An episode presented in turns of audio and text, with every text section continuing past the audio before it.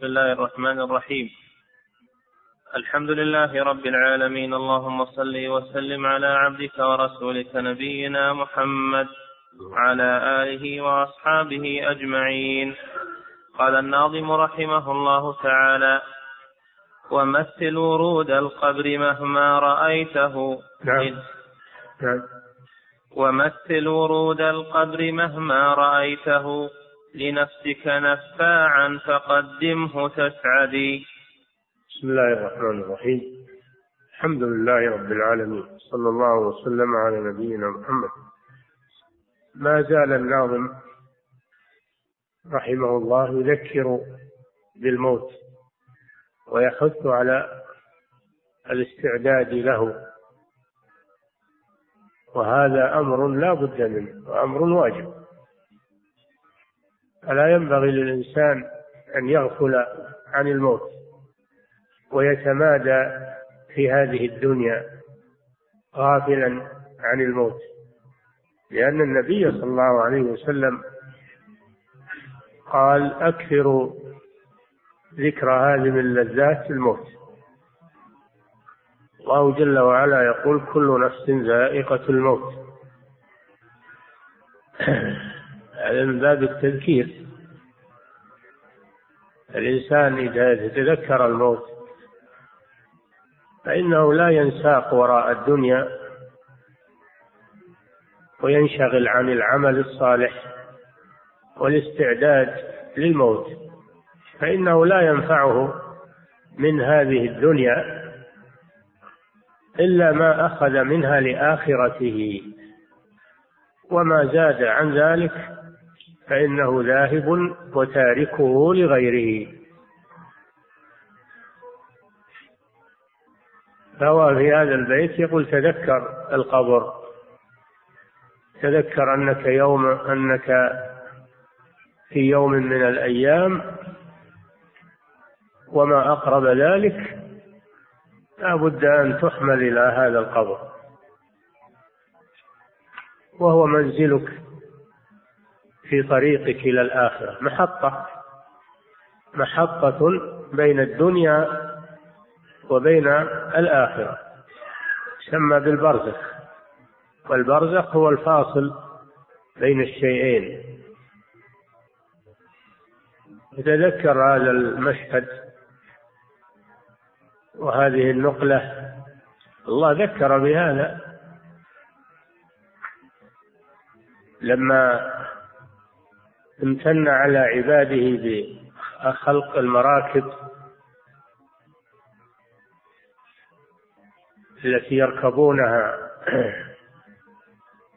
سخر لكم من الفلك والأنعام ما تركبون لتستووا على ظهوره ثم تذكروا نعمة ربكم إذا استويتم عليه.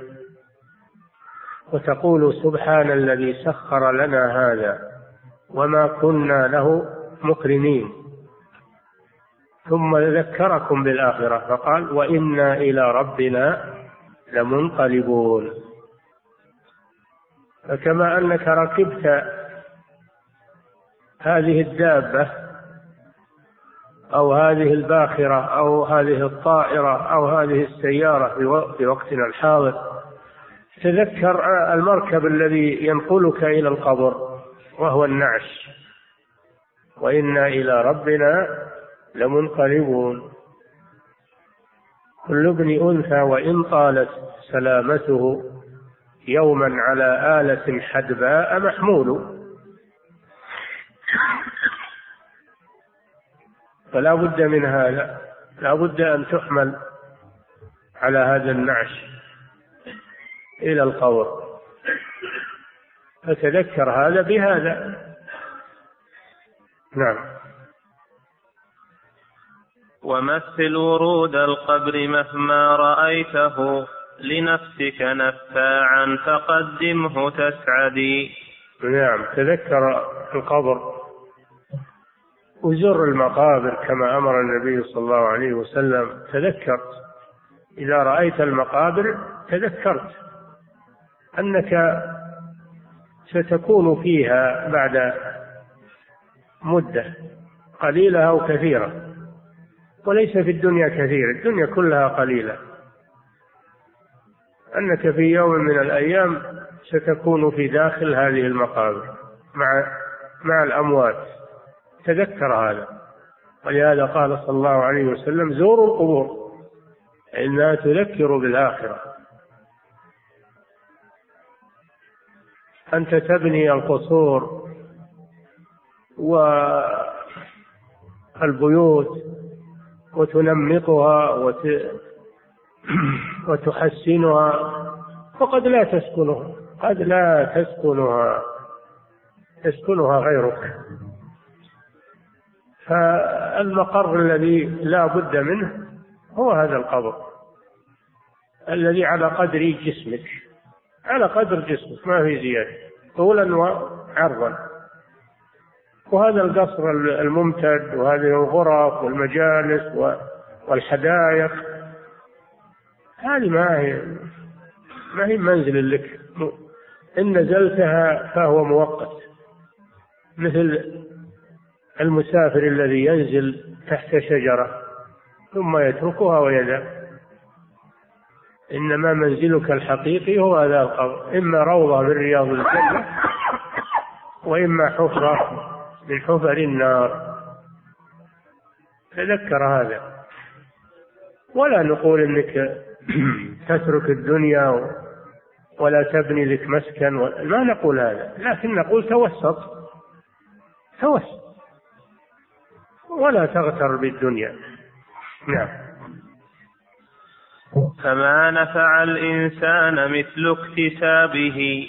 بيوم يفر المرء من كل محتدي ما ينفع الإنسان في الآخرة إلا عمله ما اكتسبه في هذه الدنيا. يوم يفر المرء من أخيه وأمه وأبيه وصاحبته وبنيه. أقرب الناس إليه تفر منه يوم القيامة. ما أحد يساعد أحد.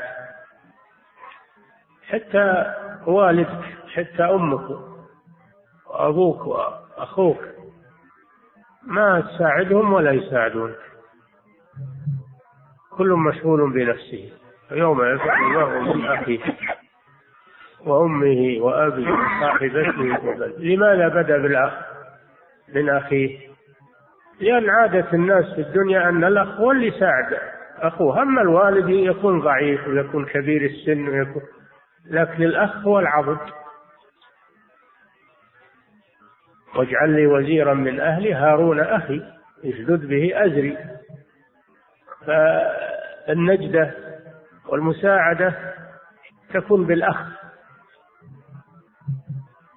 ولذلك بدأ به يوم يفر المرء من أخيه. اللي يساعدك في الدنيا؟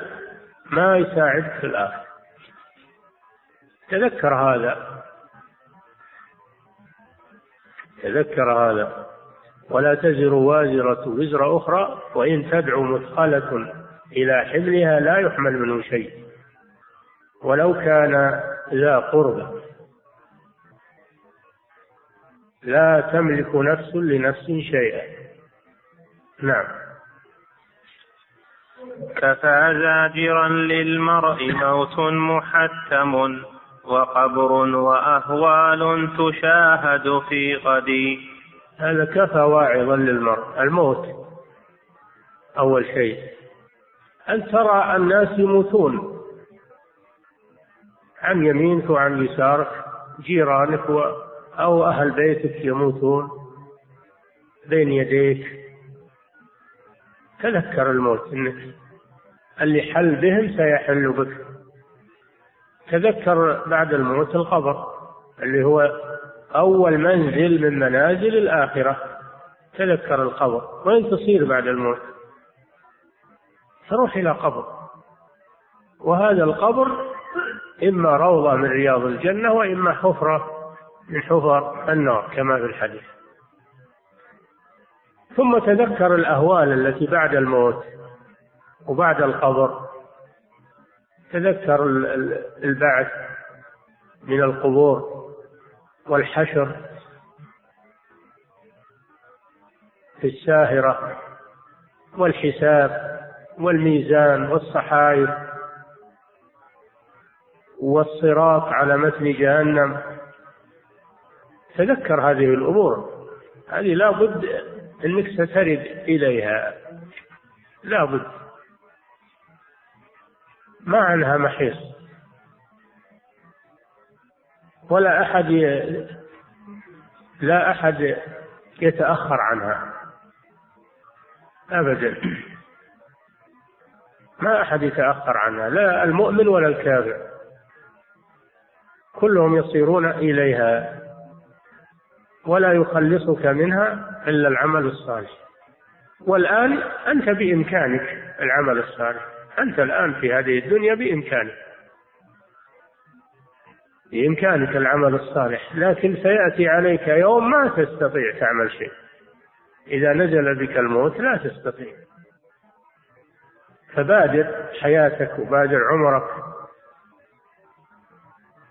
إن كان عندك حسنات أكثر منها وإن كان عندك سيئات تب منها واستغفر منها. ما دامت الفرصة بيدك. نعم. كفى زاجرا للمرء موت محتم وقبر وأهوال تشاهد في غد. كفى, كفى هذا زاجرا وواعظا هذه الأمور. الموت المحتم ما كل نفس ذائقة الموت. ما أحد يسلم من الموت. حتى تقول غدي نسلم؟ لأن في ناس يبي يسلمون غدي نصير معهم. لا ما في أحد. كل نفس ذائقة الموت. محتم وبعد الموت وين تروح؟ تروح إلى قبر. أنت تشوف القبور تشوف الأموات. يذهبون إلى القبور. ما أحد يتخلف عنها. ثم بعد القبر ما تصير تبعث من القبر وتقوم من القبر. ترجع روحك إليك. تساق إلى المحشر. تقف مع الخلائق. تنصرف إلى الحساب. والميزان. والصحائف التي تطير إلى الأيدي. كل يأخذ صحيفته إما بيمينه وإما بشماله. تذكر هذه الأمور لا تغفل عنها. نعم. كفى زاجرا للمرء موت محتم وقبر وأهوال تشاهد في غد نعم. ونارا تلظى أوعد الله من عصى. فمن خارج بعد الشقى ومخلد. تذكر النار التي تتلظى. فأن الله جل وعلا يقول فأنذرتكم نارا تلظى. ما قال نارا فقط قال تلظى. تتوقد ولا تطفى أبدا. تذكر هذه النار. نارا تلظى.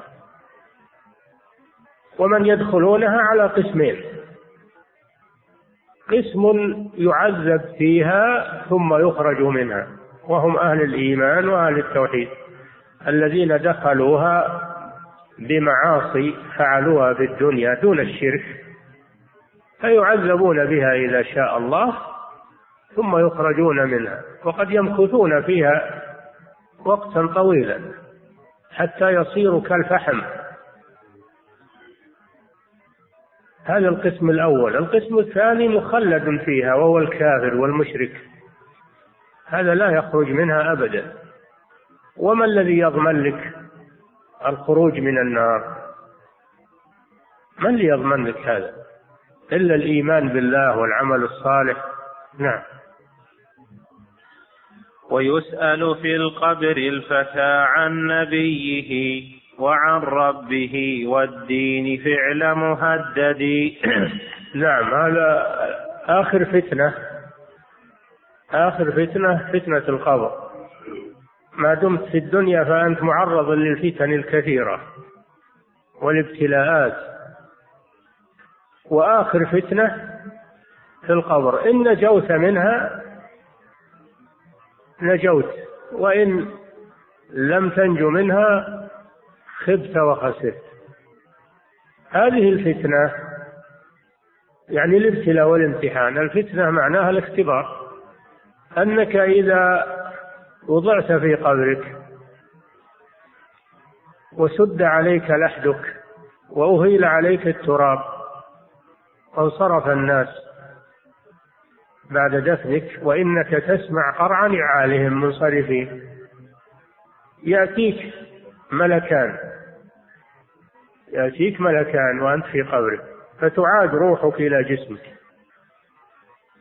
وتحيا حياة برزخية ما هي مثل حياة الدنيا حياة برزخية. تحيا تعاد روحك في جسدك ويجلسانك ثم يسألانك. ثلاثة أسئلة. إن نجحت أفلحت وإن لم تنجح خبت إلى الأبد. الامتحان الأخير هذا. هذا هو الامتحان الأخير. يسألانك من ربك وما دينك ومن نبيك. فالمؤمن يقول ربي الله والإسلام ديني ونبي محمد صلى الله عليه وسلم لأنه مات على ذلك موقنا به. فيثبته الله عز وجل عند هذا السؤال فيجيب بالجواب الصحيح. فحينئذ يقال صدق ينادي مناد من السماء أن صدق عبدي فأفرشوه من الجنة. افتحوا له بابا إلى الجنة ويوسع له في قبره حتى يكون مد بصره. وينظر إلى مسكنه في الجنة. ويكون في روضة من رياض الجنة. أما المنافق والمرتاب فإنه لا يستطيع الجواب. وإن كان متعلما في الدنيا وفقيه وعالم في الدنيا لكن إذا كان منافقا ما يستطيع الجواب. علمه في الدنيا باللسان ما هو في القلب في علماء في الدنيا. وقد يكونون متبحرين في العلم لكن علمهم باللسان فقط لا في القلوب. والعلم هو ما كان في القلوب إنما يخشى الله من عباده العلماء. هذا هو العلم الصحيح. فهذا المنافق والمرتاب إذا سئل من ربك؟ يقول ما أدري. ها؟ ها؟ ما أدري. ما ما دينك؟ يقول ها؟ ها لا أدري. ثم يقول له من نبيك؟ يقول ها؟ ها لا أدري. فحينئذ ينادي مناد أن كذب عبدي فأفرشوه من النار. افتحوا له بابا إلى النار ويضيق عليه في قبره حتى تختلف أضلاعه. ويبقى في حفرة من حفر النار.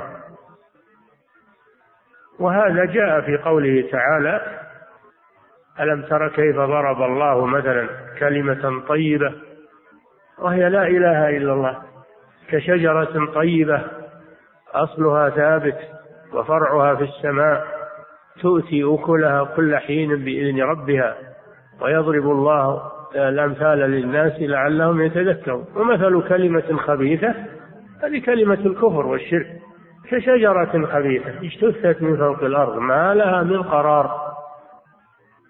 ثم قال يثبت الله الذين آمنوا بالقول الثابت هذا في القبر. في الحياة الدنيا وفي الآخرة. كما أنهم ثبتوا على التوحيد في الدنيا يثبتون عليه عند سؤال الملكين. ثبت الله الذين آمنوا بالقول الثابت في الحياة الدنيا وفي الآخرة. ويضل الله الظالمين. ويفعل الله ما يشاء. نعم. يضل الله الظالمين. شوف الظالمين يضلهم بسبب ظلمهم. وكفرهم ونفاقهم. نعم. وأولئك الذين آمنوا يثبت الله الذين آمنوا بسبب إيمانهم. نعم. ويسأل في القبر الفتى عن نبيه وعن ربه والدين فعل مهدد. نعم. فمن ثبت الله استجاب موحدا. ومن لم يثبت فهو غير موحد. نعم. المشرك والمنافق والمرتاب هذا لا يثبت في الآخر في, في القبر. لا يثبت عند السؤال. ما يحضره جواب؟ ما يحضره الجواب؟ لأنه لم يمت على التوحيد والإخلاص. نعم. فمن ثبت الله استجاب موحدا ومن لم يثبت فهو غير موحد. نعم. وتلك لعمري آخر الفتن التي متى تنجو منها فزت فوز مخلدي تلك يعني فتنة القبر هي آخر الفتن. هي آخر الفتن. ولهذا جاء في الحديث استعيذوا بالله من أربع من عذاب جهنم ومن فتنة المحيا والممات. هذه فتنة المحيا والممات. ومن فتنة المسيح الدجال. نعم. فهي آخر فتنة. إن نجوت منها نجوت إلى الأبد. وإن لم تنجو منها لم تسعد أبدا. نعم. وتلك لعمري آخر الفتن التي متى تنجو منها فزت فوز مخلدي. نعم. فنسأله التثبيت دنيا وآخرا وخاتمة تقضي بفوز مؤبد نعم لما ذكر هذه الأشياء دعا الله سبحانه وتعالى الثبات. دعا الله الثبات. وهكذا ينبغي للمؤمن أنه يسأل الله الثبات لأن هذا بيد الله سبحانه وتعالى. ولكن أنت عليك فعل السبب. عليك فعل السبب والنتيجة عند الله جل وعلا. لكنه لا يضيع سبحانه لا يضيع عمل عامل. لا يضيع عمل عامل. فإذا فعلت السبب وعملت الأعمال الصالحة ثبتك الله. نعم. وحسن الخاتمة. حسن الخاتمة يعني عند الموت. هل تموت على التوحيد؟ أو تموت على غير الإسلام؟ هذا المشكل قد يفتن الإنسان ويموت على غير الإسلام. في آخر لحظة. يموت على غير الإسلام. فسوء خاتمته يموت على غير الإسلام. نعم. فنسأله التثبيت دنيا وآخرا وخاتمة تقضي بفوز مؤبد. دنيا وآخرا هذا ما من قوله تعالى يثبت الله الذين آمنوا بالقول الثابت في الحياة الدنيا وفي الآخرة. نعم. ويكره تأذين لنعي معمما ألا مات زيد لا لأهل التودد. نعم. نعي الأموات إذا ماتوا الإعلان عن موتهم. إن كان ال... إن كان الغرض من ذلك تأسف عليهم والحزن عليهم هذا لا يجوز. وإن كان الغرض من ذلك الدعاء لهم وحضور الصلاة عليهم في المكان الذي يصلى عليهم فيه هذا طيب. فالنعي على قسمين. نعي يراد به الحزن والأسى على موته هذا لا يجوز. أما النعي يعني الإخبار. النعي معناه الإخبار بموت الميت. إن كان القصد منه الدعاء له والصلاة عليه هذا طيب. والنبي صلى الله عليه وسلم نعى النجاشي لما مات يعني أخبر بموته وخرج هو وأصحابه صلوا عليه صلاة الغائب لأنه مات في الحبشة. مات في الحبشة. دل على أن الإخبار بموت الميت إذا كان لغرض صحيح أنه لا بأس به. نعم. ويكره تأذين لنعي معمما. ألا مات زيد لا لأهل التودد. لا لأهل التودد وهم أهل الإيمان وأهل الصلاح. من أجل الدعاء لهم والصلاة عليهم. نعم. وندب جلوس المؤنسين حذاءه. كنحر جزور بين باك ومسعد. كذلك يكره الجلوس عند القبر إلا أنهم إذا فرغوا من دفنه يقفون عليه ويستغفرون له ويسألون له التثبيت. فإن النبي صلى الله عليه وسلم كان إذا فرغوا من دفن الميت. يقول استغفروا لأخيكم واسألوا له التثبيت فإنه الآن يسأل. فإذا وقفوا على قبره ودعوا له بعد دفنه واستغفروا له هذا هذا سنة وهذا ينفع الميت بإذن الله. هذا ينفع الميت بإذن الله وهو شفاعة له من إخوانه. أما الجلوس عند قبره فهذا لم يثبت به دليل إلا أنه ورد عن عمرو بن العاص رضي الله عنه أنه قال إذا أوصاهم إذا فرغوا من دفنه أن يجلسوا عنده قدر ما تنحر جزور ويوزع لحمها.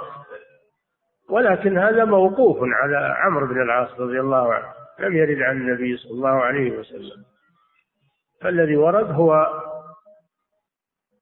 الوقوف على قبره والدعاء له. ولهذا قال الله جل وعلا في المنافقين ولا تصلي على أحد منهم مات أبدا ولا تقم على قبره. يعني لا تقم على قبره بعد الدفن مستغفرا له. فدل على أن المؤمن يوقف على قبره ويدعى له. نعم. وندب جلوس المؤنسين حذاءه كنحر جزور بين باك ومسعد.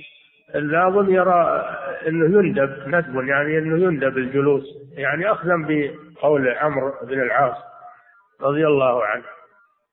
ولكن الذي ثبت هو الوقوف على قبره والاستغفار له وسؤال التثبيت هذا هو الذي ثبت. نعم.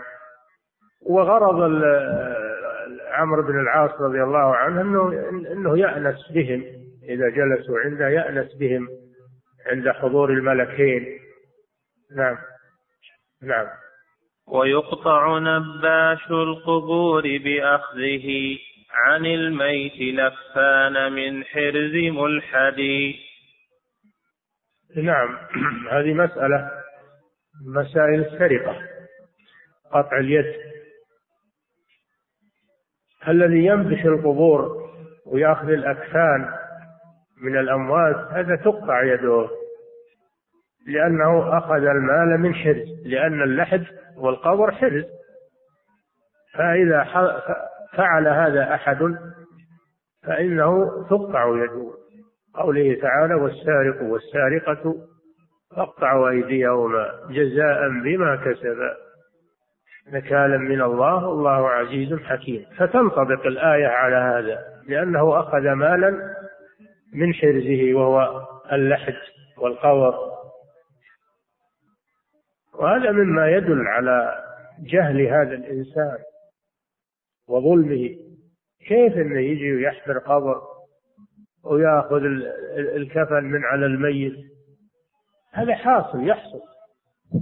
هذا يحصل وذكره الفقهاء ذكروه في باب السرقة. نعم. دل على أنه يقع. هذا من ظلم الإنسان. نعم. وإياك والمال الحرام. نعم. ويقطع نباش القبور بأخذه عن الميت لفان من حرز ملحد من حرز لأن القبر حرز. نعم. وإياك والمال الحرام مورثا تبوء بخسران مبين وتكمد. نعم. هذا تحذير. إياك والمال الحرام. فلا يكون في مالك مال حرام جاءك من من وجه محرم كالربا والرشوة والقمار. غير ذلك من المعاملات المحرمة. نزه أموالك نزه أموالك من الحرام. فإنك ستحاسب عليها يوم القيامة. لا تزول قدم عبد يوم القيامة حتى يسأل عن أربع عن عمره فيما أفناه وعن جسمه فيما أبلاه وعن ماله من أين اكتسبه وفيما أنفقه. وعن علمه ما عمل به. الشاهد منه قول عن ماله. يسأل عنه يوم القيامة. منين اكتسبه؟ وفيما أنفقه. فلا بد من السؤال. فنزه أموالك عن الحرام. ولا يدخلها شيء حرام. لأنك إذا مت وهذه الأموال مجموعة من الحرام ستحاسب عليها يوم القيامة ويكون عليك إثمها وللوارث نفعها تتركها لغيرك. أنت تشقى بها والذي ينتفع بها غيرك. فلا تغامر مثل ما يغامر كثير من الناس خصوصا في هذا الزمان. كسب الأموال المحرمة والمعاملات المحرمة ولا يبالون. لا تغامر في هذا. حاسب نفسك في هذه الدنيا. فالمال الحرام إن أكلت منه كان غذيت جسمك بالحرام ولا يستجاب لك دعاء. وإن تصدقت منه لم يقبل منك. وإن تركته وراءك صار زادك إلى النار. فالمال فيه خطورة. المال فيه خطورة وهو ابتلاء وامتحان. إنما أموالكم وأولادكم فتنة. الله عنده أجر عظيم. المال فتنة. نعم. وإياك والمال الحرام مورثا تبوء بخسران مبين وتكمدي أي نعم مورثا يعني لا تورث مال حرام تتركه بعد موتك. نق أموالك قبل تموت. نق أموالك قبل تموت.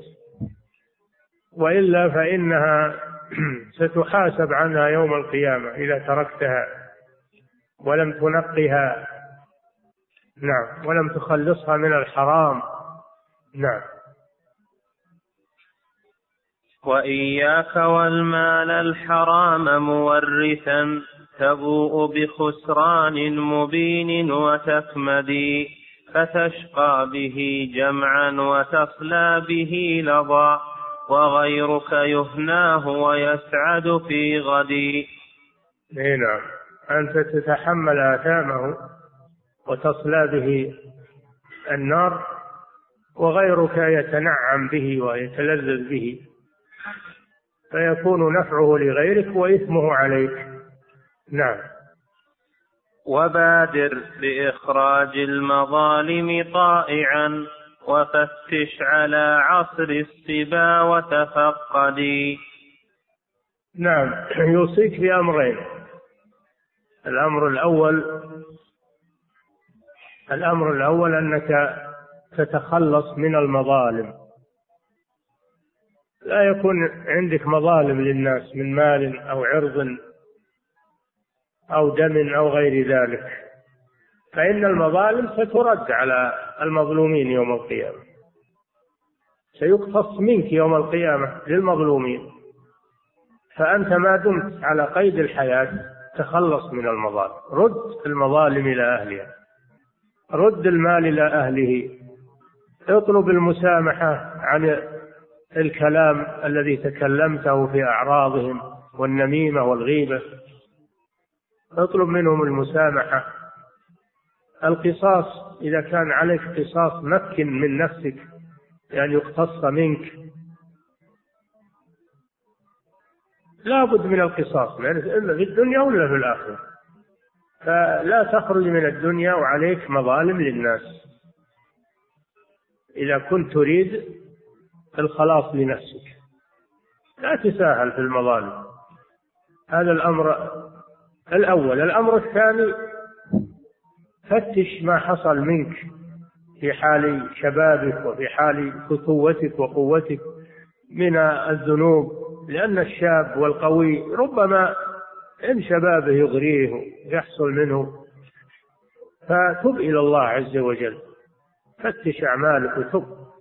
والله يقبل التوبة عن عباده. إذا هو يوصيك بأن ترد المظالم إلى أهلها وأن تتوب من الذنوب والسيئات ما دمت على قيد الحياة. الله جل وعلا يقول يا أيها الذين آمنوا اتقوا الله ولتنظر نفس ما قدمت لغد. انظر انظر في أعمالك انظر في ما حصل منك. فأحدث لكل ذنب توبة. ومن تاب تاب الله عليه. ولا تقول هذا شيء فات وراح ونسي. ما نسي ترى مكتوب. الله جل وعلا يقول أحصاه الله ونسوه. أحصاه الله ونسوه. أنت وإن نسيت فإن الله قد أحصاه عليك. نعم. وبادر بإخراج المظالم طائعا وفتش على عصر الصبا وتفقدي تفقد ما حصل منك من سيئات ومن ذنوب خطايا فتب منها. فإن الله يقبل التوبة عن عباده. نعم.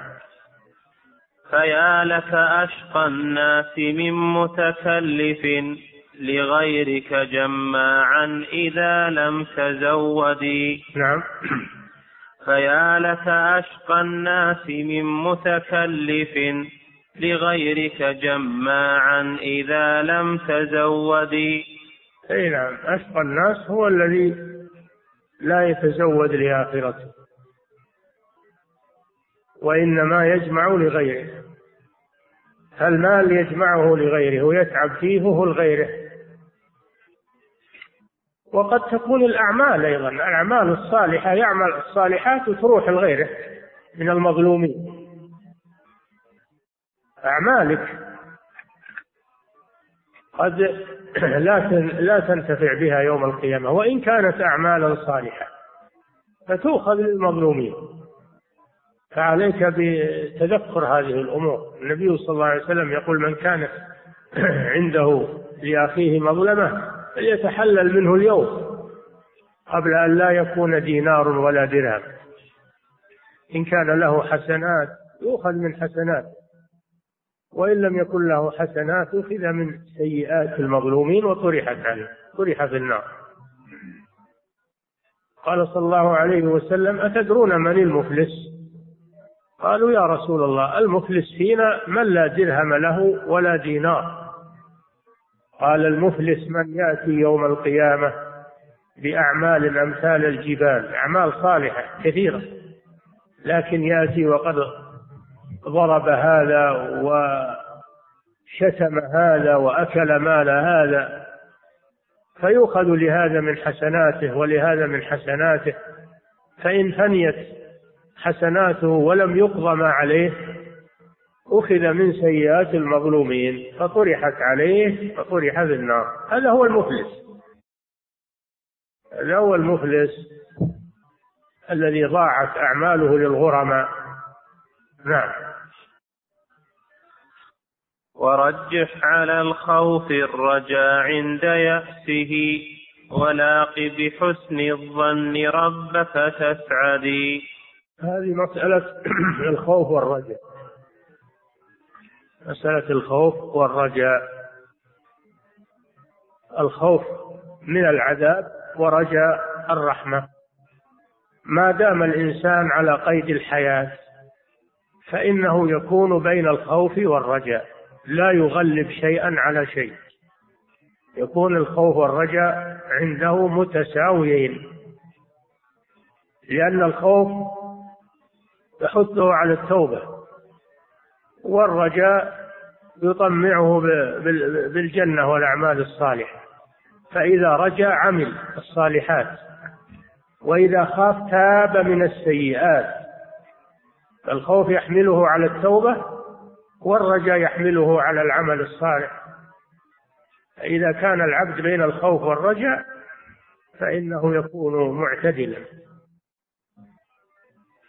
لا يغلب جانب الخوف حتى يقنط من رحمة الله ولا يغلب جانب الرجاء حتى يأمن من مكر الله. أفأمنوا مكر الله؟ فلا يأمن مكر الله إلا القوم الخاسرون. إنه لا ييأس من روح الله إلا القوم الكافرون. فيكون متعادلا بين الخوف والرجاء. هذا يحمله على التوبة وهذا يحمله على العمل الصالح. أما إذا نزل به الموت وصار يعجز عن العمل فإنه يغلب جانب الرجاء. يغلب جانب الرجاء. لأنه ما يستطيع يعمل الآن. يغلب جانب الرجاء وحسن الظن بالله. كما جاء في الحديث لا يموتن أحدكم إلا وهو يحسن الظن بالله. نعم. ورجح على الخوف الرجاء عند يأسه. ولاق بحسن الظن ربك تسعدي لا يموتن أحدكم إلا وهو يحسن الظن بالله. هذا عند الموت. نعم. عيادة المريض وتلقين الميت وزيارة القبور. نعم. هذه آداب مع المرضى والموتى. آداب مع المرضى والموتى. نعم. ويشرع للمرضى العيادة فأتهم. تأخذ رحمة تغمر مجالس عودي. نعم عيادة المريض هذه سنة مؤكدة وهي من حق المسلم على أخيه المسلم. إذا مات إذا مرض فعده. إذا مرض فعده. لأن في عيادتك له تطمين له وتأنيس له فإذا عدته أحسنت إليه. فعيادة المرضى سنة مؤكدة. هذه واحدة نعم. والذي يعود المريض يخوض في الرحمة. الذي يعود المريض يخوض في الرحمة. هذا دليل على فضل عيادة المريض. نعم. ويشرع للمرضى العيادة فأته. نعم. ويشرع للمرضى العيادة فأت ويشرع للمرضى العيادة فأتهم تأخذ رحمة تغمر مجالس عودي. لأن العود إذا جلسوا عند المريض تغمرهم الرحمة. كما أنهم رحموا هذا المريض وجاءوا إليه فإن الله يرحمهم. نعم. فسبعون ألفا من ملائكة الرضا تصلي على من عاد مرضى إلى الغد. نعم هذا ورد في الحديث أنه إذا عاد أخاه فإن الله آه، يجعل سبع سبعون ألفا من الملائكة يصلون عليه يعني يستغفرون له. فإن عاده في أول الليل صل في المساء في أول المساء صلوا عليه إلى الصباح. وإن عاده في الصباح صلوا عليه إلى الليل. هذا فضل عظيم. نعم. فسبعون ألفا من ملائكة الرضا تصلي على من عاد مرضى إلى الغد. إلى الصباح يعني إذا عاده في المساء صلوا عليه إلى الصباح. نعم.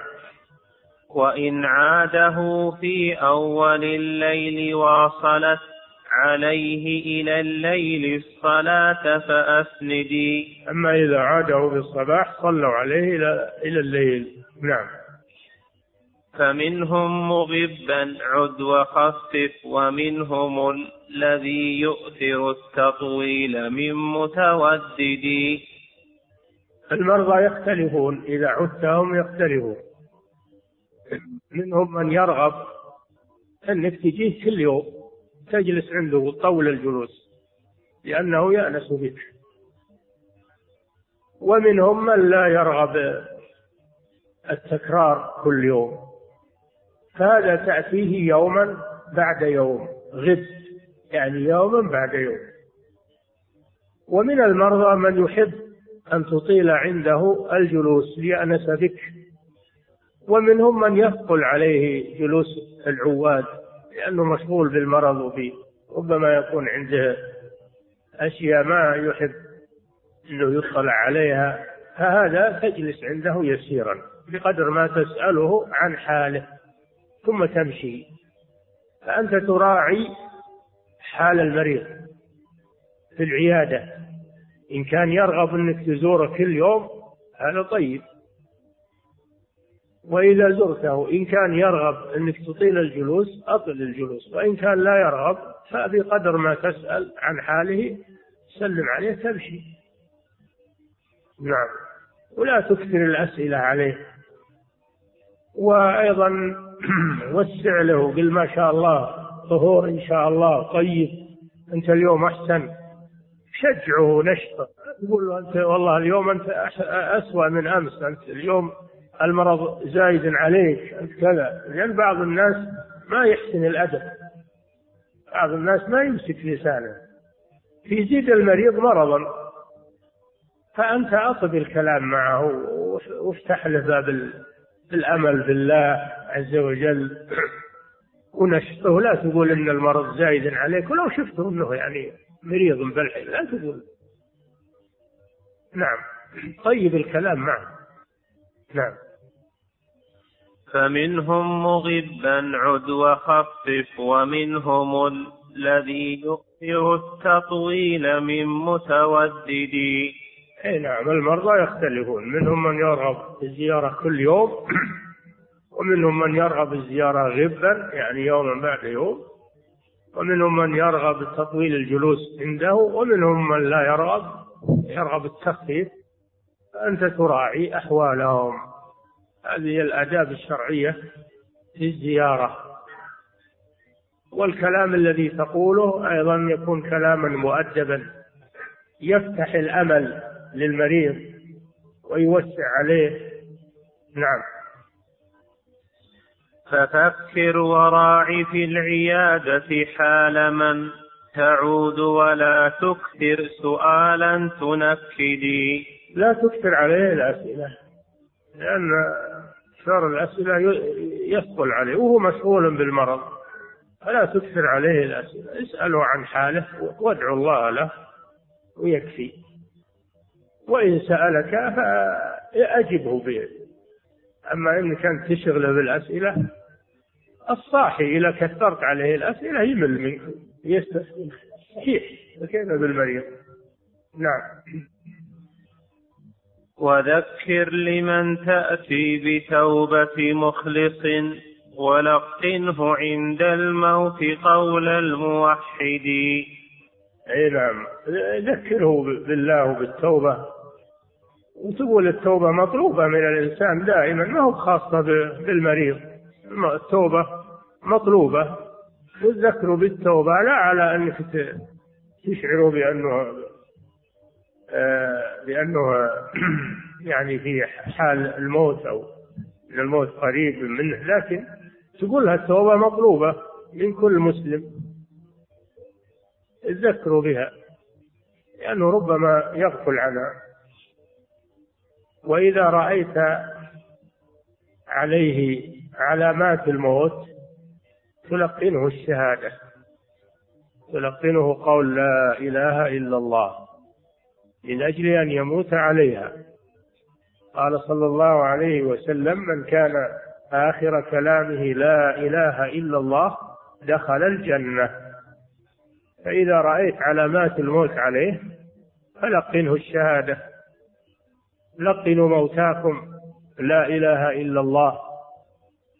هذا حديث صحيح عن الرسول صلى الله عليه وسلم. لكن لا تكرر عليه. إذا قالها خلاص.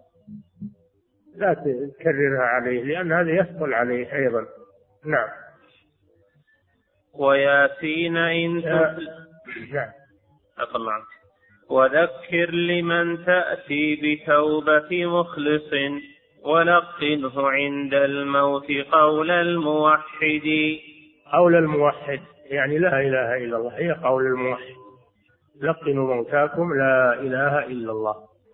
نعم. فإن من كان آخر كلامه لا إله إلا الله دخل الجنة. نعم. وياسين إن تتلى يخفف موته ويرفع عنه الإسر عند التلحد. قراءة ياسين عند المحتضر فيها خلاف بين العلماء. ومنهم من يرى أنها تقرأ وورد في هذا حديث اقرأوا ياسين على موتاكم. ولكن الحديث هذا ضعيف. حديث ضعيف. لا يثبت به حكم. ومن العلماء من يقول لا يقرأ عنده ياسين لأنه لم يثبت الحديث في هذا. وهذا هو الراجح. الراجح أنها لا تقرأ عنده لأنه لم يثبت الحديث بذلك عن النبي صلى الله عليه وسلم. والذين يرون أنها تقرأ عنده يقولون لأنها تذكره تذكره بالله عز وجل وفيها ذكر أهل الجنة وذكر أهل النار وذكر يقول أنها تسهل خروج الروح. الله أعلم. نعم. وياسين نعم. وياسين إن تتلى يخفف موته. يخفف موت سهل عليه الموت يقولون. نعم. ويرفع عنه الإسر عند التلحد. أي نعم عندما يوضع في قبره يعني. نعم. ووفد ديون الميت شرعا وفرقا وصية عدل ثم تجهيزه اقصدي. بعد موته أول شيء يبدأ به تجهيزه من ماله يجهز من ماله. فيغسل يغسل من ماله يدفع أجرة الغسال ثمن الماء إذا كان الماء يشترى من مال الميت. وأجرة الحمل إذا كان يحتاج حمله إلى أجرة. إلى القبر وأجرة حفر القبر أجرة الحفار كل هذه تؤخذ من رأس ماله تقدم على غيرها مؤونة تجهيزه تؤخذ من رأس ماله قبل الديون وقبل كل شيء. لأن لأنه في حال الحياة تقدم نفقته فكذلك إذا مات تقدم مؤونة تجهيزه. هذا أول شيء. بعد ذلك الديون التي عليه. بعد ما يفرغ من تجهيزه ودفنه ينظر في الديون التي عليه فيبادر بتسديدها من تركته لأن نفس الميت معلقة بدينه حتى يقضى عنه كما قال الرسول صلى الله عليه وسلم. فيبادر بقضاء ديونه من ماله ومن تركته. ثم بعد ذلك الوصية. تنفذ وصيته الشرعية بعد الديون. لقوله تعالى من بعد وصية يوصي بها أو دين. الوصية مقدمة في الذكر لكنها تؤخر في التنفيذ. تؤخر في التنفيذ فيقدم الدين عليها هذا بالإجماع أن الدين يقدم على الوصية. وإن كانت الوصية مقدمة في القرآن في الذكر فالعلماء مجمعون على أن الدين يقدم على الوصية. ثم بعد ذلك إذا فرغ من الدين والوصية الباقي يكون للورثة. يكون للورثة على ما قسمه الله جل وعلا. نعم. ووف ديون الميت شرعا وفرقا وصية عدل ثم تجهيزه اقصدي نعم وصية عدل يعني وصية شرعية. لأن تكون من الثلث فأقل وتكون لغير وارث. هذه وصية العدل. تكون للثلث فأقل. وتكون لغير وارث. فإذا كانت كذلك فهي وصية عدل. أما إذا كانت في أكثر من الثلث إنه لا ينفذ ما زاد على الثلث إلا برضا الورثة. وكذلك إذا كانت لوارث فلا تنفذ إلا إذا رضي الورثة. قوله صلى الله عليه وسلم إن الله قد أعطى كل ذي حق حقه فلا وصية لوارث وقال في الوصية الثلث والثلث كثير. لأن سعد رضي الله عنه قال أوصي بمالي كله قال لا. قال بالشطر قال لا. قال بالثلث قال الثلث والثلث كثير. نعم. ويختار للغسل الأمين وعالم بأحكام تغسيل ولو بتقلد. نعم تغسيل الميت فرض كفاية. إذا قام به من يكفي فإنه يسقط الإثم عن الباقي. فلا بد من تغسيله. تغسيل الميت بعد الموت لا بد منه. ويتولاه من يعلم أحكام التغسيل. يتولاه من يحسن ويعلم أحكام التغسيل. ما يتولاها جاهل إنما يتولاها من عنده علم بأحكام التغسيل. نعم. تغسيل. ويختار للغسل الأمين وعالم. للغسل. ويختار للغسل الأمين وعالم بأحكام تغسيل ولو بتقلد. نعم. يختار العالم الأمين. يعني يكون فيه صفتان في الغاسل أن يكون عالما بأحكام الغسل وأن يكون أمينا ينفذ التغسيل على الوجه المشروع ما يقصر في شيء منه. يؤتمن عليه. ولو كان بأجرة. ولو كان ذلك بأجرة لا بأس. نعم. ولا تفش سرا يؤثر الميت كسمه سوى ذي فجور وابتداع معود. نعم ذكر الفقهاء أن الغاسل يستر ما يراه من من أحوال الميت. يستر ما يراه. لقوله صلى الله عليه وسلم من ستر مسلما ستره الله في الدنيا والآخرة. فإذا رأى علامات على الميت لا تسر فإنه لا يفشيها. لا يفشيها. إذا كان هذا المسلم ليس مبتدعا. ولا فاسقا.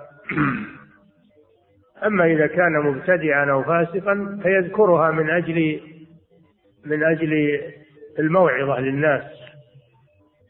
أما المسلم الذي العادل الذي ليس منه فسق ولا بدعة فهذا يستر عليه.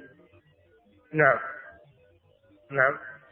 ولا تفش سرا يؤثر الميت كتمه سوى ذي فجور وابتداع معود أي نعم إلا إذا كان هذا فاسقا أو أو مبتدعا وكان في الإخبار عما يراه مصلحة فيخبر بذلك. نعم. لأجل الموعظة. والستر أحسن حتى ولو كان الستر على الميت أحسن. والنبي صلى الله عليه وسلم يقول لا تسبوا الأموات. فإنهم قد أفضوا إلى ما عملوا. نعم. وفاضل ما يجبى لميت لربه. نعم. وفاضل ما يجبى لميت لربه. وإن جهلوا فاصرف لآخر تهتدي. إيش؟ وفاضل ما يجبى لميت لربه. وإن جهلوا فاصرف لآخر تهتدي. ما ندري إيش المعنى. نقف على هذا ونشوف نشوف معنى هالبيت نعم. الله أحسن الله إليكم صاحب الفضيلة.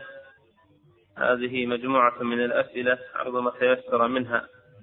هذا السائل يقول ما مناسبة ذكر الموت مع الآداب الشرعية؟ أو ما العلة من ذكر الموت في هذه المنظومة؟ يا سبحان الله إذا لم يذكر الموت شو اللي يذكر؟ يذكر الموت الاستعداد له. هذا من أعظم الآداب الشرعية الاستعداد للموت. نعم. تبي يذكر المصايف والنزهة و يذكر المناسب ذكر الموت وأحوال الميت وما بعد الموت هو الذي ينفع الناس. نعم. أحسن الله إليكم صاحب الفضيلة. هذا السائل يقول هل يسلم الله سبحانه عباده المؤمنين من ضمة القبر؟ الظاهر من ضمة القبر عامة للصالحين وغيرهم. الضغطة تعم. الصالحين وغيرهم لكن المؤمن يفرج الله عنه. نعم. أحسن الله إليكم صاحب الفضيلة وهذا السائل يقول في مقابلة إذاعية مع أحد المثقفين. نعم يقول هذا السائل في مقابلة إذاعية مع أحد المثقفين لما سئل عن أمنيته قال أتمنى أن يكتشف العلماء علاجا للموت. السؤال هل هذه الأمنية فيها خلل في العقيدة لأنها اعتراض على أمر قضاه الله سبحانه على الخلق. هذا من الكلام السيء هذا من الكلام السيء القبيح فلا يؤبى به ولا يعبى به. لا يظهر انه كلام سفيه. أو نعم. أحسن الله إليكم صاحب الفضيلة. هذا السائل يقول مر علينا في هذه المنظومة عند عطاس الطفل أنه يقال له بارك الله فيك. فإذا كان الطفل مميزا وقال الحمد لله فهل يشمت أم يقال له بارك الله فيك؟ يجمع كلهم يقال بارك الله فيك ويشمت. نعم. أحسن الله إليكم صاحب الفضيلة. هذا السائل يقول أرجو أن توضحوا لنا الحياة البرزخية وهل حالهم مثل حالنا في الحياة الدنيا ولماذا سميت بالحياة البرزخية؟ الحياة البرزخية حياة في القبر. هذه الحياة البرزخية. وهذه من أمور الآخرة لا يعلمها إلا الله. تختلف عن الحياة في الدنيا. الحي في الدنيا يتزوج والحي في الدنيا يصلي ويصوم ويبيع ويشري. أما الحي في القبر فلا يعمل شيء من هذه الأمور. تتزوج امرأته ويورث ماله ولا يسأل عن شيء.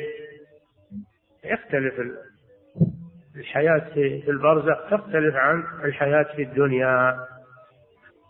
الرسول صلى الله عليه وسلم حي في قبره كغيره من الأنبياء وما كانوا يذهبون إليه ويسألونه ويستفتونه يشاورونه في الأمور مثل ما يوم كان على قيد الحياة. نعم. أحسن الله إليكم صاحب الفضيلة. هذا السائل يقول ما المقصود بفتنة المحيا والممات؟ فتنة المحيا في الدنيا وفتنة الممات فتنة القبر. أو أن الميت عند عند الغرغرة يفتن أيضا تعرض عليه الأديان ويأتيه الشيطان يدعوه إلى الكفر. يدعوه إلى الكفر وقد يموت على الكفر. ففتنة الممات تشمل فتنة المحتضر وتشمل فتنة القبر. نعم.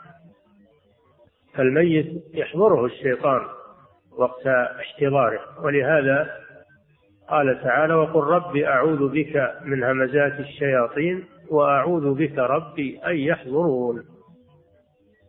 أعوذ بك ربي أن يحضر عند عند الموت. نعم. أحسن الله إليكم صاحب الفضيلة. هذا السائل يقول من نجا من عذاب القبر نجا مما بعده. نسأل الله أن يجعلنا والدينا من هؤلاء. أما من استحق العذاب فهل يكون عذاب القبر ممحضا له ومطهرا؟ نعم هو بداية نموذج. عذاب القبر نموذج من العذاب الذي بعده. نموذج من العذاب الذي بعده. ولنذيقنهم من العذاب الأدنى دون العذاب الأكبر. فما بعده أكبر منه. ما بعده أكبر منه والعياذ بالله. ولهذا كان عثمان رضي الله عنه إذا زار القبور يبكي بكاء شديدا. فسألوه عن ذلك. فقال رضي الله عنه هذا أول منازل الآخرة فإن نجا منه فما بعده أيسر. نعم. أحسن الله إليكم صاحب الفضيلة. هذا السائل يقول هل القيامة تقوم على أشر الناس فقط؟ وهل أهوال يوم القيامة تكون عليهم هم فقط؟ القيامة لا تقوم إلا على شرار الناس. ما تقوم في الأرض مؤمن. إذا لم يبقى على الأرض إلا الكفار قامت عليهم القيامة. المؤمنون يؤخذون قبل يوم القيامة يموتون قبل يوم القيامة. تأتيهم ريح فتأخذ أرواحهم ريح طيبة تأخذ أرواحهم. ثم يبقى شرار الناس يتهارجون كتهارج الحمر. تقوم عليهم الساعة. ولهذا قال صلى الله عليه وسلم إن من شرار الناس من تدركهم الساعة وهم أحياء. والذين يبنون المساجد على القبور. الذين يبنون المساجد على القبور هؤلاء من شرار الناس. نعم. أحسن الله إليكم صاحب الفضيلة. هذا السائل يقول إنني كثير الخوف وأما في الآخرة الشدة والعذاب إنما تكون على الكفار وكان يوما على الكافرين عسيرا. وأما المؤمن فيسهله الله عليه. نعم. أحسن الله إليكم صاحب الفضيلة. هذا السائل يقول إنني كثير الخوف من الانتكاس قبل الموت. فأرجو أن تدلني على الوسائل التي تعينني على الثبات على الحق حتى الممات. الخوف من الفتن من الفتن هذا شيء طيب لكن لا يزيد عليك الخوف لأن بعض الناس يزيد عليه الخوف حتى يبلغ الوسواس والعياذ بالله. يسلط عليه الشيطان. فالخوف المعتدل إنك تخاف من الفتن وتتجنبها تسأل الله الثبات. هذا طيب. لكن لا تجعل الخوف يزيد عليك حتى يبلغ الوساوس ويتسلط عليك الشيطان. نعم. أحسن الله إليكم صاحب الفضيلة. هذا السائل يقول ما هو أفضل شيء يعمل للميت بعد وفاته؟ ما هو؟ ما هو أفضل شيء يعمل للميت بعد وفاته؟ وهل يمكن إهداء ثواب قراءة القرآن للميت بعد موته؟ نعم الأعمال. الأصل أن الأعمال لأصحابها وأن ليس للإنسان إلا ما سعى. الأصل أن الأعمال الصالحة لأهلها ولا تنفع الآخرين إلا الأشياء التي ورد الدليل بأنها يتعدى نفعها إلى الأموات مثل الصدقة عن الميت مثل الدعاء للميت مثل الحج والعمرة عن الميت. قال صلى الله عليه وسلم إذا مات ابن آدم انقطع عمله إلا من ثلاث صدقة جارية أو علم انتفعوا به أو ولد صالح يدعو له. هذه تنفع الميت بإذن الله الدعاء له والصدقة عنه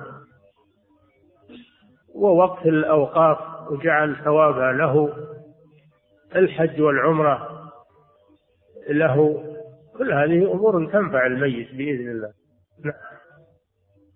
أحسن الله إليكم صاحب الفضيلة. وأما قراءة القرآن وإهداء ثوابها إلى الميت هذا لا لا دليل عليه. فيرجع إلى الأصل أن الأصل أن الأعمال لصاحبها. ولا يخرج من هذا الأصل إلا ما دل عليه الدليل. ولم يرد دليل أن القرآن يقرأ للأموات. نعم. أحسن الله إليكم صاحب الفضيلة. هذا السائل يقول علمنا أن بعض الموحدين يدخل النار بسبب ذنوبهم إذا لم يغفر الله لهم. فهل هؤلاء يجيبون الإجابة الصحيحة المنجية عند سؤالهم في القبر؟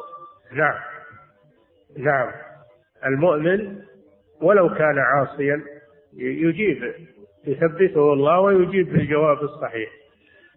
إنما المنافق المنافق النفاق الأكبر والعياذ بالله اللي يقول سمعت الناس يقولون شيئا فقلت هذا النفاق الاعتقادي والنفاق الأكبر.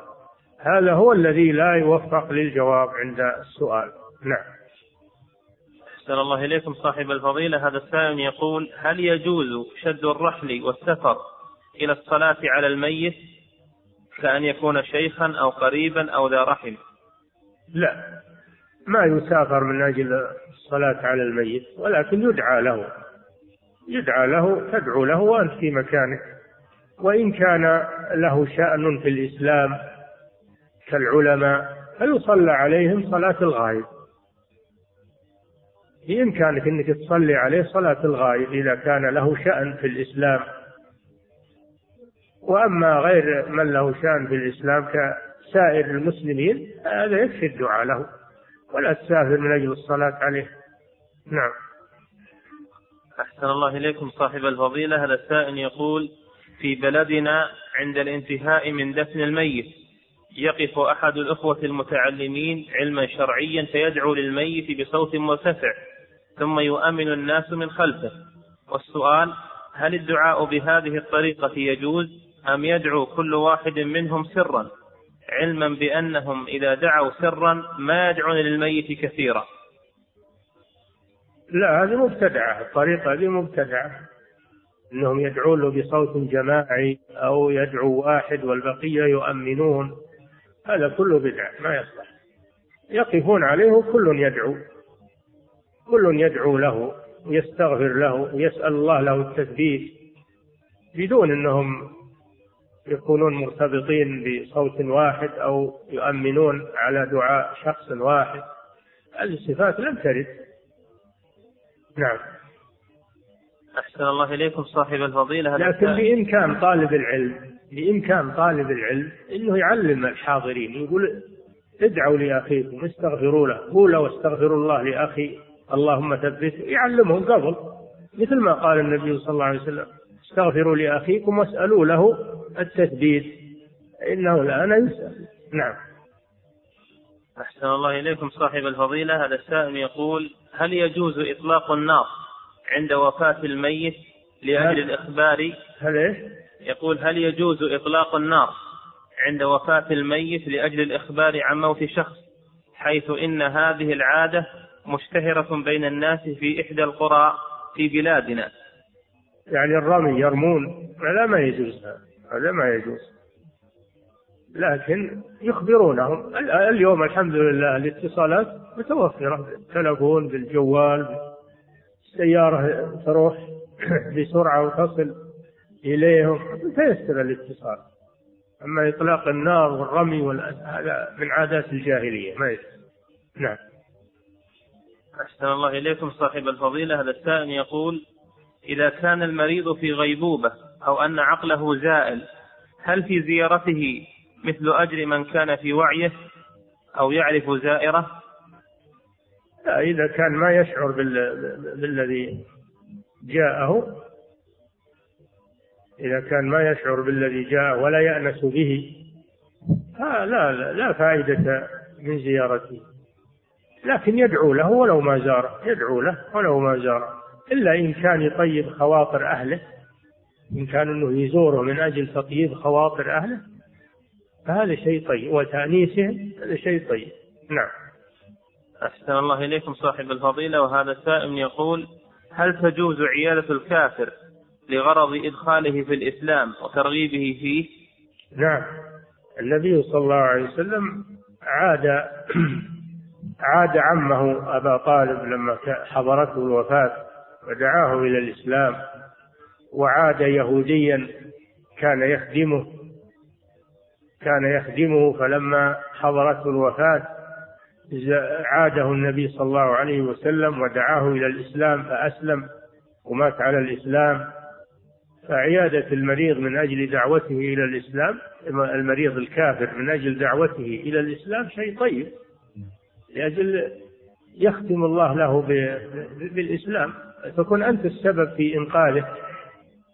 ولهذا لما أسلم اليهودي قال النبي صلى الله عليه وسلم الحمد لله الذي أنقذه بي من النار نعم أحسن الله إليكم صاحب الفضيلة هذا السائل يقول من كان عنده مال ربوي وأراد التخلص منه فكيف نعم. يصنع؟ من كان إيش؟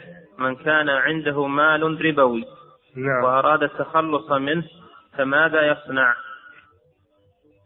إذا تاب إلى الله عز وجل وعنده أموال جمعها من الربا أو من غيره من وجوه الحرام فإنه يتخلص منها بوضعها بمشاريع تنفع الناس تنفع المسلمين مثل الأموال الضائعة توضع في المصالح أو يوزعها على فقراء مثل الأموال الضائعة ينتفعون بها.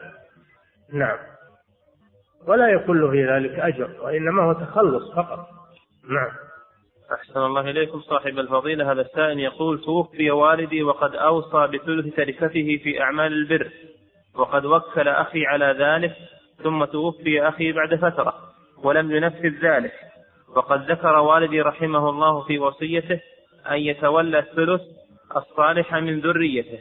السؤال هل أنا ملزم شرعا بتنفيذ ذلك الثلث أم أن الأمر اختياري؟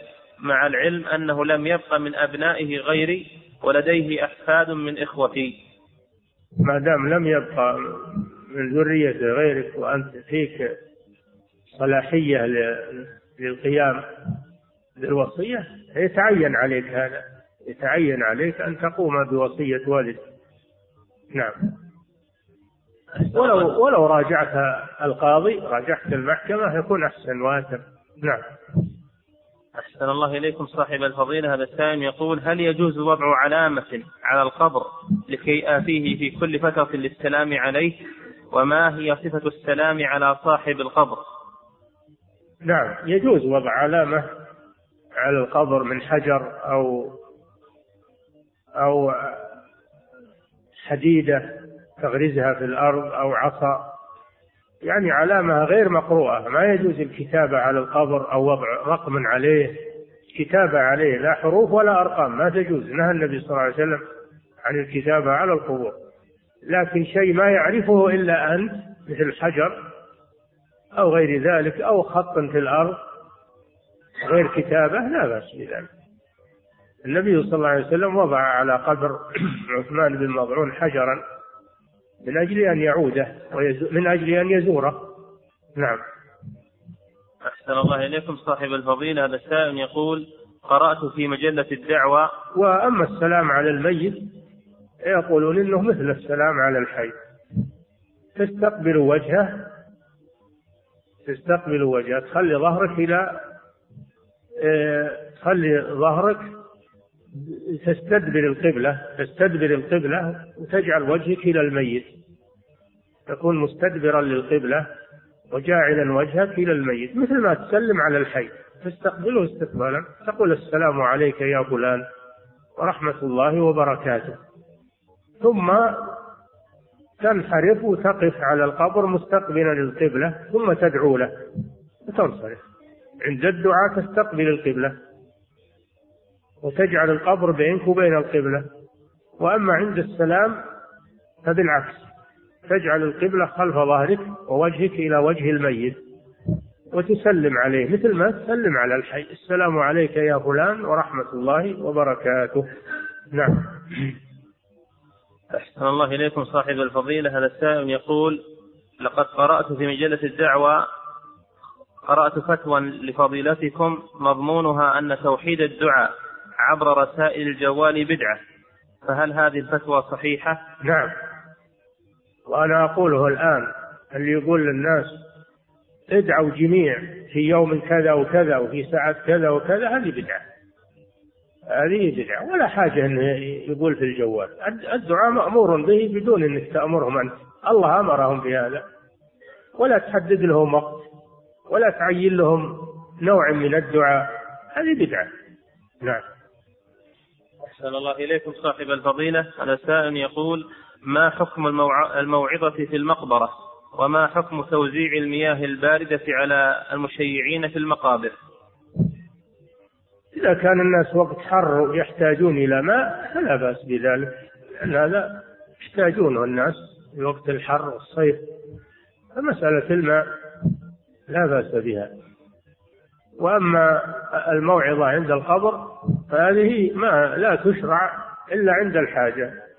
مثلا إذا جو القبر ما أعد وجلسوا ينتظرون أن القبر ينتهي ويحفر فلا بأس. إن طالب العلم يذكر الناس. يذكر الجالسين حوله. أما أنه يخطب خطبة ويقف على مرتفع هذا من البدع. ما, ما والمداومة على ذلك دائما كل هذا من البدع. نعم. صلى الله وسلم على نبينا محمد وعلى آله وصحبه أجمعين.